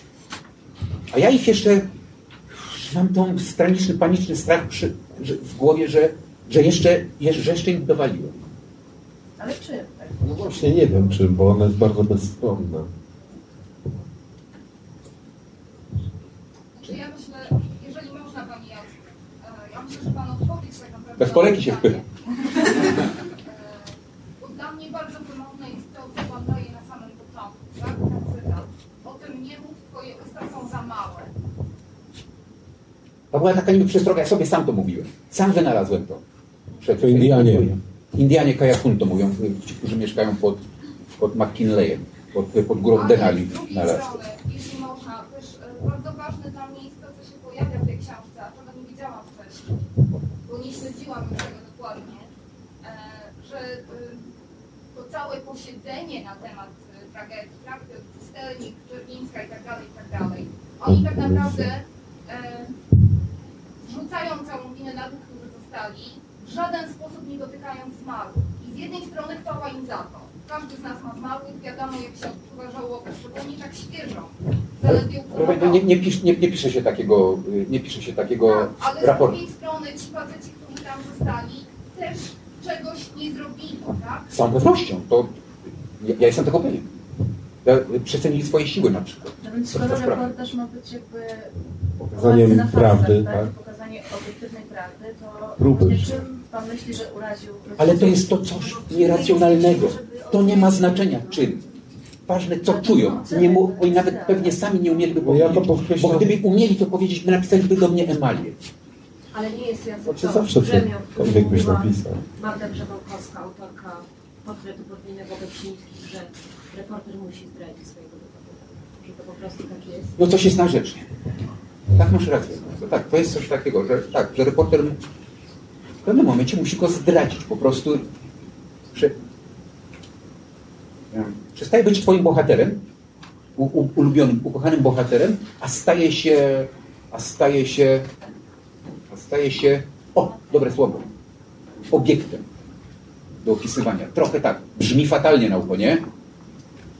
Ale no, coś takiego, tak, racja. Ale, ale może albo jest się reporterem, albo jest się wielbicielem.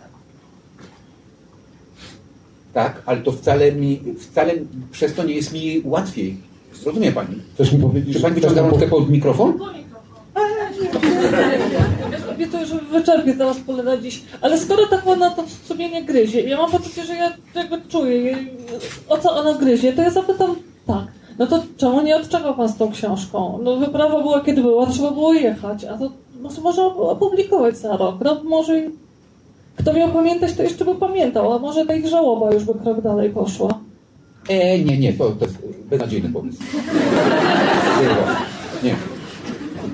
Mnie by się chciało w pierwszej kolejności. Nie można odwlekać pisania.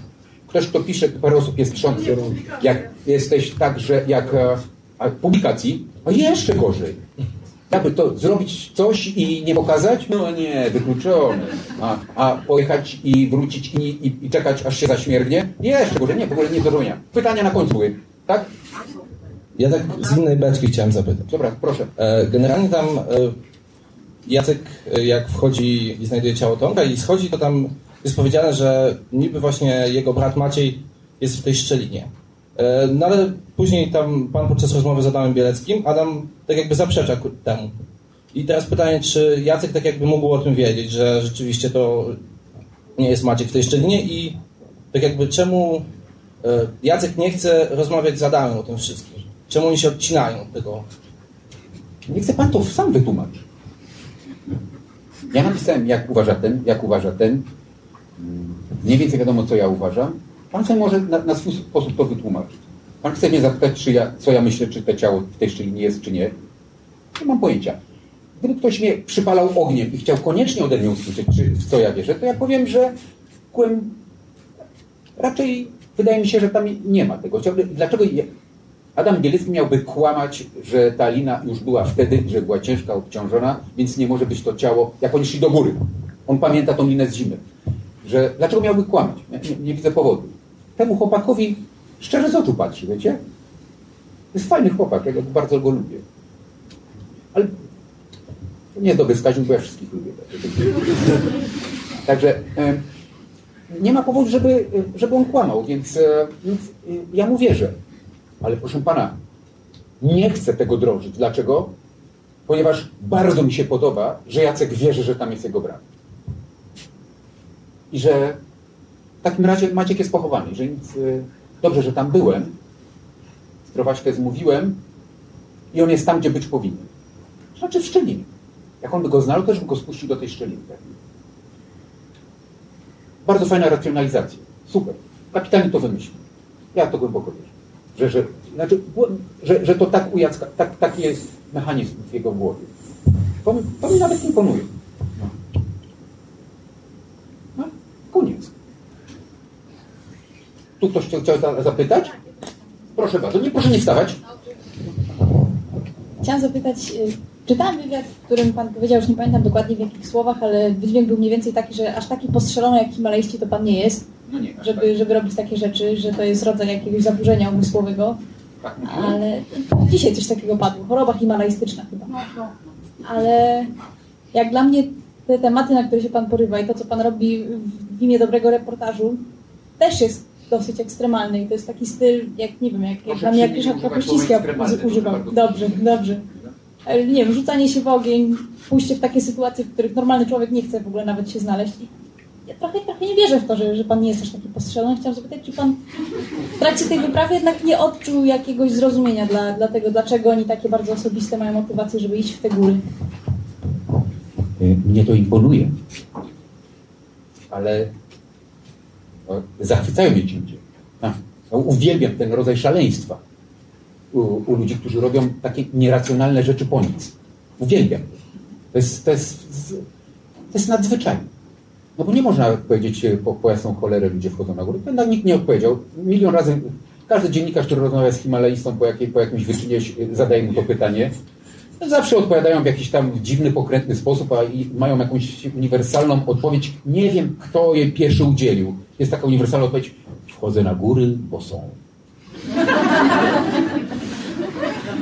No, no co, na, naprawdę jest taka, tak, to jest bardzo uniwersalne. Dlaczego? Po, ponieważ każdy pewnie ma jakąś inną motywację i nie ma jakby tego, jakby o, o, o, nie można w jakiś, jakiś sposób spójny, logicznie odpowiedzieć na to, e, na, na, na to pytanie. No ktoś ma takiego fioła i, i, i super. Ile jest dziwnych fiołów na świecie? Na, na każdym kroku. No, ludzie bez powodu jeżdżą na koniach, pływają na kajcie, wymyślają przedmiot. To jest... Dobrze, ale dziewczyna ciebie pytała, dlaczego ty... Ale świecie, dla mojego pytania, kropki zrozumienia. Proszę Pani, ja tam pojechałem do pracy. Nie ma innej odpowiedzi. Będę Oczy, nie. Ale ja tam byłem absolutnie do pracy, tylko nic nie stoi na, na przeszkodzie, że praca mi sprawia przyjemność. Więc jeżeli mogę wymyśleć pracę, y, y, która ci sprawia przyjemność, jest dla ciebie przyjemna, taka, która ci nie, nie, nie, nie sprawi takiej radości, takiej, ta, ta, takiej satysfakcji, no to no, no, no, cóż to za wybór jest? No, no żaden, prawda? Więc mm, lubię, żeby jeszcze coś fajnego się wydarzyło, żeby coś, żeby, żeby ja miał cielesne, nawet fizyczną przyjemność czegoś takiego. No. Dlaczego mam lecieć samolotem, skoro mogę pojechać z rowerem? Przecież jaki jest, no w ogóle, cóż to za alternatywa? No? Przecież wiadomo, że na rowerze. Samolotem jak muszę. Tak, dosłownie tak. Ja, ja mam, ja, ja no dlatego mogę wytłumaczyć i uzasadnić, dlaczego rowery. No normalnie, tak, normalnie z warsztatowego punktu widzenia. Że mam porozmawiać o warsztacie reporterki. Ja dokładnie wiem dlaczego. Odpowiedź jest bardzo prosta. Na rowerze niczego nie przeoczysz. Niczego. A samolotem przeoczysz wszystko. Samochodem, samochodem przeoczysz bardzo wiele. Pociągiem prawie wszystko przeoczysz. Nie masz władzy nad tym pociągiem, nie możesz go zatrzymać gdzie chcesz, jak zobaczysz ładny widok za oknem. Nie władasz tym. Samochodem władasz, tylko że mam taką, takie skrzywienie, nie cierpię się zatrzymać samochodem. Tylko na siku i na tankowanie. I, i w celu. U, u, no, taką mam. takie mam. No, a na rowerze jest bardzo prosto. To Nawet nie musisz wysiłków włożyć w to, żeby się zatrzymać. Państwo kapiecie, jak rower. Wystarczy przestać pedałować i za chwilę rower, sta- wystarczy nogę spuścić i stoisz. Super sytuacja. Ja to zawsze, jak mam tu zajęcia z, ze studentami, to powiem, opowiadam. Stawiam tą nogę, jak się siedzę na siodełku, stawiam tą nogę, stoi. W jakichś społecznych okolicznościach. Nie? No, przyjechał facet, może dziwnie wyglądać. Objuczony torbami, e, aparat fotograficzny, morda spalona, zmęczony. Natychmiast koło, jeżeli są jacyś ludzie, no a bez ludzi nie warto zatrzymywać się. No. A jak są jacyś ludzie, to oj, leciuteńko, wolniuteńko sobie podchodzą, rączka w kieszeni. Podchodzą. No i kto ty jesteś? Tu opowiadasz, kto jesteś. No. A dokąd jedziesz dalej? No tam do Urumqi. A co będziesz u nas robił? Mówię, no nie wiem, rozglądam się. A gdzie się zatrzymasz na noc? Mówi, no właśnie w tym mam problem. No to chodź do mnie. Tak się dzieje. Tak się dzieje. Tak jest zawsze. Nie czasami, zawsze. A o co mi chodzi? No o to mi chodzi, żeby ktoś mnie zaprosił. Nie chodzi o nocleg. Nie. Ja idę przespać się. Wiadomo, że przed spaniem zaproszą mnie na jedzenie, na kolację. Jeżeli to jest kraj muzułmański, to przy herbacie. A jeżeli inny niż muzułmański, prawie zawsze jest jakiś alkohol. Prawie zawsze, bo chcą cię uczcić jakoś. Rozumiesz? Przecież robi się tak samo, nie? Jak macie gości. Nie ma niczego nadzwyczajnego. I co robimy? To jest najważniejsze w tym wszystkim. Gadamy. Nie idziemy spać. Gadamy całą noc. A teraz uwaga. A rano ja jestem już miejscowy. Ja wiem wszystko o tym miejscu. Więc dlaczego mam wybierać sposób pracy, który nie jest fajny, ciekawy, porywający, fascynujący, który, który jest dla mnie też czystą przyjemnością? Ja uprawiam ten zawód dla przyjemności. Wybieram tematy tylko te, które mnie osobiście dotykają, które wzbudzają emocje, bo ja później te emocje sprzedaję dalej. Bez tego nie umiałbym, nie umiałbym, nie umiałbym, myślę, pisać. Jakbym, dlatego prawie nigdy nie biorę tematów i wielki, miałem ogromny kłopot w redakcji, jak jeszcze nie miałem tak, tej, tej pozycji jak teraz, nie? Kiedy mi zlecali, jakby y, dawali tak zwane zlecone tematy. No to musisz coś robić, nie? Zlecają ci, to jest twój szef, no, wykonujesz, jesteś na etacie, nie? No, miałem z tym zawsze ogromny kłopot. No chyba, że temat był porywający. No oczywiście, bardzo często mi dawali tematy, które mnie porywały. Podrzucali mi, nie? Ale często bywało, że nie. Robiło się mi sztuczki, tam gręty były, tak, tak udawałeś, że zapomniałeś, no bo no. Ale nie zawsze się udawało. Czasami i robiłeś. I to po jak, no, w moim przypadku po jakości zawsze było widać. Jestem tego pewien. Więc jak schylę się po temat, to tylko taki, który mnie bierze, łapie za gardło. Bo czy może być coś fajniejszego w życiu? Nie. Nie. Biała. Słucham. Czy to nie był temat na sępa i to tak dosłownie? Na sępa?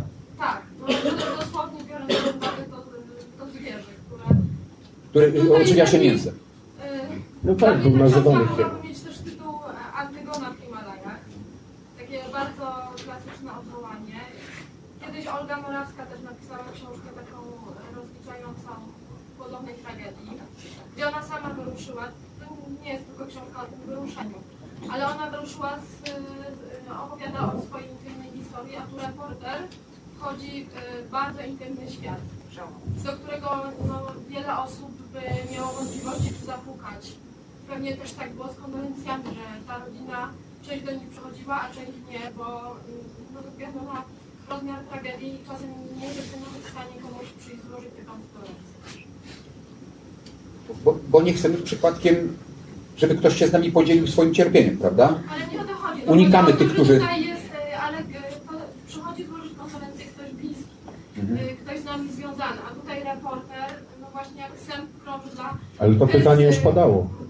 To jest tak jakby dla niego interesujący Temat. temat, a dla rodziny, no dla rodziny to jest właśnie antygoda. Ma Pani prawo tak myśleć. Ja absolutnie się z Panią godzę. Jest coś... Jest coś z tego dużego ptaka, tak, w reporterze, który zajmuje się takimi tematami. Nie ma na to rady, to są bardzo pożyteczne zwierzęta. O, pana- Pani, Tak. proszę, Pani zwiędła ręka prawie. Tak. Ja teraz się nie, nie, nie odczepię. E, Chciałam Pana tak naprawdę zapytać o trzy rzeczy. Jedno pytanie będzie czysto techniczne, może zadam je na początku. E, Pierwotnie tą książkę miało wydać wydawnictwo Czarne. Ja słucham, ja słucham. Tak, tak, okej. E, I mam pytanie, czemu tak się nie stało? Czemu, czemu znak e, ją wydał? E, To ciekawe? Jestem, tak, mnie to interesuje. E, Drugie pytanie jest bardziej intymne. E, Tutaj już Pani wcześniej poruszała ten temat. Chciałam Pana zapytać, czego Pan się dowiedział o sobie z, czystego, z czysto warsztatowego punktu widzenia jako dziennikarz, reporter i czego się dowiedział Pan o sobie jako człowiek w tak ekstremalnych warunkach, bo wcześniejsze Pana książki jednak zakładały inną interakcję z, e, z Pana bohaterami. Ta książka jest pod tym kątem wyjątkowa. A trzecie pytanie mam o osobę Krzysztofa Wielickiego, który dla mnie prywatnie jest największym, jednym z największych, najbardziej tragiczną postacią tej historii. Człowiek niezwykle... Wieli- Wielickiego, g- kierownika wyprawy. Człowiek niezwykle... Pani rozwinąć, dlaczego Pani uważa, że to jest taka tragiczna. Y, Dlaczego? Mam, miałam przyjemność rozmawiać z nim. Ja w ogóle jestem dziennikarzem. No, troszeczkę, troszeczkę, inaczej patrzę na, na, na, na to, co pan y, pisze. Y, Miałam przyjemność z nim rozmawiać dwukrotnie. Uważam, że to, jest, że jest to człowiek wybitny w tym, co robi. Natomiast, y, natomiast y, ta wyprawa jest, kładzie się cieniem na, na, na wszystkim tym, co do tej pory osiągnął. E, Chciałam zapytać o, o jego obecność e, na tej wyprawie. Czy, czy w jaki sposób e, jest on, czy on był w ogóle obecny wśród tych ludzi, wśród pana bohaterów i o, ocenę pana. Dziękuję bardzo. Zacznę od Wielickiego, bo to jest jedyne pytanie, które pamiętam. Ja mówię, że- Bo jak, jak pani pyta, to ja już sobie układam odpowiedzi. Rozumiemy? Więc, dobra. Więc e, jeśli chodzi o Wielickiego, no tak, no tragiczna postać, dlatego, ale ja... A Bielecki? Pytanie było o Wielickiego, to zaczniemy o, o, o Wielickiego. No, to był kierownik, którego, któremu na wyprawie zginęło połowę załogi. No to jest dramat. To jest dramat, ale muszę pani powiedzieć, że to w jego przypadku. A kto pani powiedział, że dramat? Ja sobie tak powiedziałam. Aha, pani sobie Ja powiedziała. się dobrze. interesuję w ogóle to tak, się tak. Ja rozmawiałem z nim oczywiście. I bardzo długo. To jest największy z żyjących, czynnych Himalajstów na świecie. Lodowy wojownik. Potęga. Człowiek zbudowany ze stali, tytanu i lodu. Mi się rozmazał, jak, jak opowiadał, jak opowiadał o tych chłopakach, którzy zginęli na wyprawie. To jego dowództwo. To kiepskie, słabe, nie? Jak ty za... jesteś... Jesteś szefem oddziału, który daje się wybić w połowie. I dowodzisz. Albo nie dowodzisz. To nie jest typ przywódcy po mojemu. Tak jak ja się znam na ludziach, może ja się nie znam na ludziach, ale nie jestem taki ostatni w tych, w tych sprawach. To nie jest typ przywódcy. To nie jest taki facet, który może wydać polecenie i, wszyscy staną na baczność i, i, wykonają. To nie jest generał. To nie jest generał. On nie ma takiego temperamentu. Um, to jest niewysoki facet z wąsami, którego wysocy faceci bez wąsów po prostu nie słuchają. Czy dlatego uważano, że, że on się nie nadawał do tego? Nie wiem, Ustawiono mnie się tak troszeczkę wydaje, że jak, jak, e, jak ja byłbym e, królem e, Himalajstów polskich, to bym go nie, na, na, na, na dowódcę nie wybrał, ale ja się po prostu na tym nie znam. Rozmawiamy, se plotkujemy między sobą. we dwójkę. Państwo nic nie słyszeli. No. Tak, tak mówię po prostu od siebie, w książce bym się nie odważył tego napisać. Pozycja Berbeki. Bo nie mam prawa. Właśnie, Berbeka Berbeka mógł mu powiedzieć nie. Tak, ludzie, czy wiecie, że ludzie mają charyzmę albo nie? To jest takie słowo fajne, uniwersalne, nie wiadomo co w nie wpakować, bardzo pojemne, rozciągliwe w tej we w te. Ale Berbeka miał, e, miał, miał coś takiego jak charyzmę. A e, właśnie, a, a Bielicki czegoś takiego nie ma. To jest singiel, to jest, to jest e, samotny zdobywca. On po prostu wkłada buty i pruje na górę. I w 12 godzin jest na szczycie ośmiotysięcznika. I szybko schodzi. I szybko schodzi. On, on, to jest ten typ. On po prostu musi, on jest zdobywcą, a nie, a, e, a nie strategiem. A, no to jest to, te trzecie pytanie, które Pani odpowiedziała. Drugie, jakie było, może zacznijmy w tym. Yy, Chodzi było o to, co Pan jako dziennikarz, czego, czego Pana nauczyła ta wyprawa? No to jest pewne, każda wyprawa, jakby re- re- reporterska, ja nie wiem jakie inne, bo ja, ja nie uprawiam turystyki nie podróżuję bez celu. Znaczy, podróżowanie bez celu nie jest podróżowaniem, tylko jest uprawianiem turystyki. Bo ja rozróżniam te dwie rzeczy. Rozróżniam podróżników i turystów i rozróżniam podróżowanie i turystykę. Podróżuje tylko ten, który jedzie w jakimś celu. Ma zadanie do wykonania. Jeśli Państwo jedą na, podróż wakacyjną dookoła świata, jest to tylko turystyka, nie podróż. Podróżnikami są glacjolodzy, reporterzy, misjonarze, kartografowie i tak dalej, i tak dalej, i tak dalej. Wszyscy inni są tylko turystami. Więc, a każda podróż, czyli to, to wszystko, co ja robię, a, ja nawet turystyki nie uprawiam, wydaje mi się nudna, ta światowa. Y, każda podróż jest jakby, jakby warsztatową. Kiedy, kiedy ty masz to zadanie do wykonania, to jest, zawsze jest to jakaś taka, ale boję się, że powtarzam komunał, ale coś jest na rzeczy, ja nie, nie wiem, czy będę umiał rozwinąć. To jest zawsze, to jest zawsze jakbyś podróż do, do, do siebie samego, do swojego wnętrza. E, Ja to dość mocno odczuwam dlaczego. Dlatego, że ja jestem zawsze sam, ja zawsze sam podróżuję. Dlatego na przykład ta wyprawa była dla mnie taka trudna. Między innymi dlatego. Ja byłem otoczony si siódemką, siódemką osób. Ja byłem ósmy? Cztery, nie, nie, szóstką jakby ludzi, którzy mi przeszkadzali. Ale, ale oni byli bohaterami, prawda? A, A to jednak było coś innego. Tak, z całą pewnością. Z całą pewnością. Ja powiem, dlatego nigdy z fotografem nie jeżdżę, bo on mnie denerwuje, mi przeszkadza. Więc, y, y, więc jakby ten, ten, to, że ja musiałem, jak byłem w takiej grupie, to było bardzo dla mnie trudne. I, a to, że zawsze jeżdżę w kompletnej samotności, sprawia, sprawia że, to jest, że ja bardzo głęboko patrzę w siebie. Ja wszystko, co zbieram po drodze, cały ten materiał pakuję do środka i tam, tam, tam się wtedy bardzo dużo y, dzieje. Ja pani nie umiem mądrzej odpowiedzieć na to pytanie. Sorry, ale ty, no, tylko tyle umiem powiedzieć. Dobrze, o, Jeszcze, jeszcze tylko dopytam o ten, To pierwsze? O, ten, o to czarne, bo to mnie interesuje. Dlaczego- dlaczego- Czemu, czemu no bo ja nie wziąłem z nimi ślubu, to tak, no. Nie, nie muszę ciągle całe życie być z jednym wydawnictwem.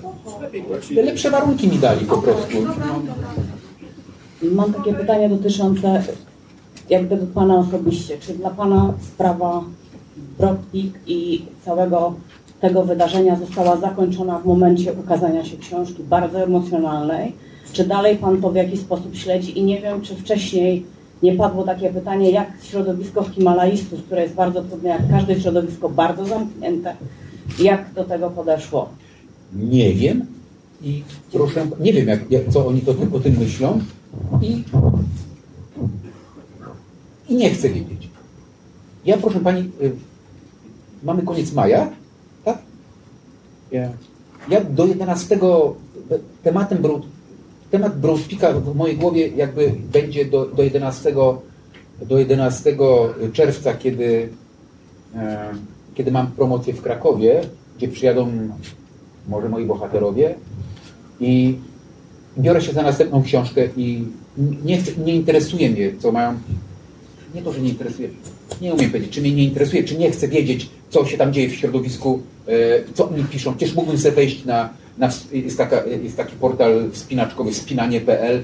Tam są takie zajadłe, zajadłe bo, e, e, fora, fora i tam i dyskusje Także mógłbym się dowiedzieć, co oni myślą, ale nie chcę tego wiedzieć. Ja już niczego konstruktywnego, produktywnego z tego mojego czytania nie będzie, bo ja nie napiszę drugiej książki. Ja Pani zdradzę nawet jedną pewną tajemnicę, ale nie powtarzajcie, dobra? Proszę bardzo. Ja nawet nie przeczytałem tej drugiej książki o Broadpeak. Ja ją oczywiście bardzo dokładnie przejrzałem. Wiecie, że można bardzo dokładnie przejrzeć książkę i prawie wiesz, co jest, nie? Ja już nie miałem siły po prostu. Temat. Ja wiem, że ona jest bardzo dobrze napisana. Tego też nie powtarzajcie. E, ja wiem, że ona jest dobrze bardzo zrobiona. To jest taka monografia, to nie jest reportaż, to jest taka monografia o, o tej górze, o, o historii, dużo takich, takich rzeczy jest. I ponieważ już nie mam siły. E, jak temat, po, obrzydł mi generalnie temat gór. Na pewno szybko się za niego nie wezmę, a mam najgłębsze nawet takie przeświadczenie, że nigdy w życiu się za to więcej nie wezmę.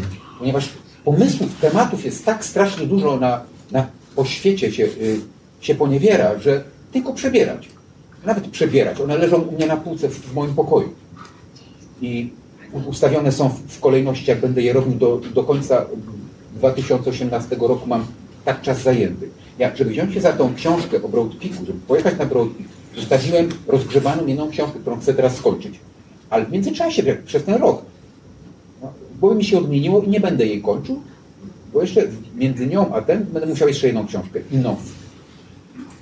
Zap- Zapraszam Państwa do księgarni w przyszłym roku. O czym będzie nowa książka? O Polsce, proszę Pani. Super. O, najcie, o najciekawszym kraju świata, a do tego takim, który mnie najbardziej obchodzi. Nie ma rzeczy, która by mnie bardziej obchodziła jak Polska. Państwo nie wyobrażacie, jaki to jest niesamowity kraj.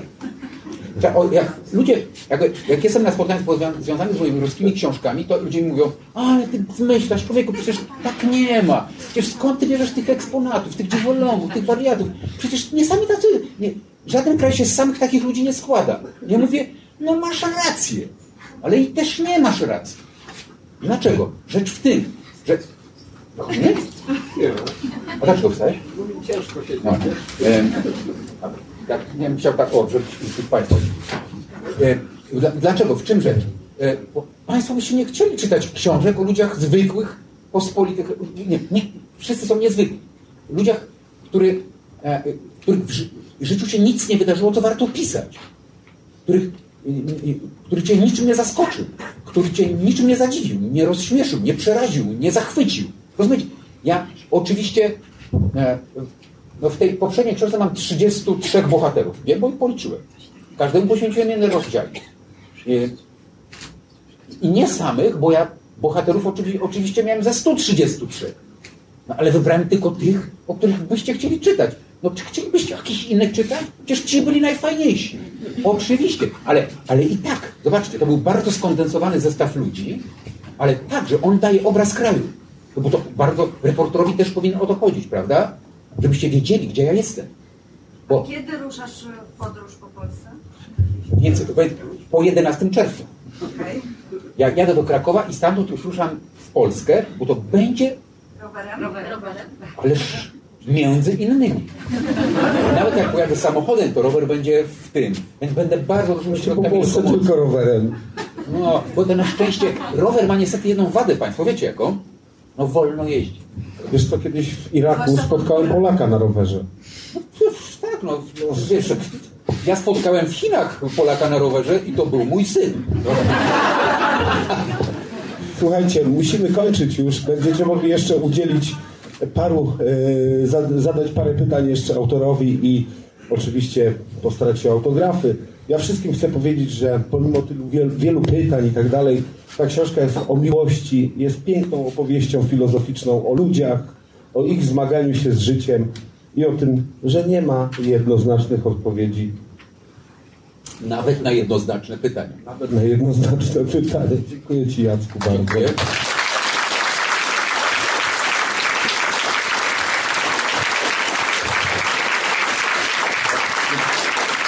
Ja podpiszę oczywiście i nie wy, do ostatniego klienta przyjmujemy, dobra? Zaraz. Wszystkiego dobrego, się. Fundacja Instytut Reportażu zaprasza do swojej księgarni z literaturą faktu i kawą w Żenie Świata na ulicy Gałczyńskiego 7 w Warszawie. Wejście przez bramy Nowy Świat 48 i Nowy Świat 52.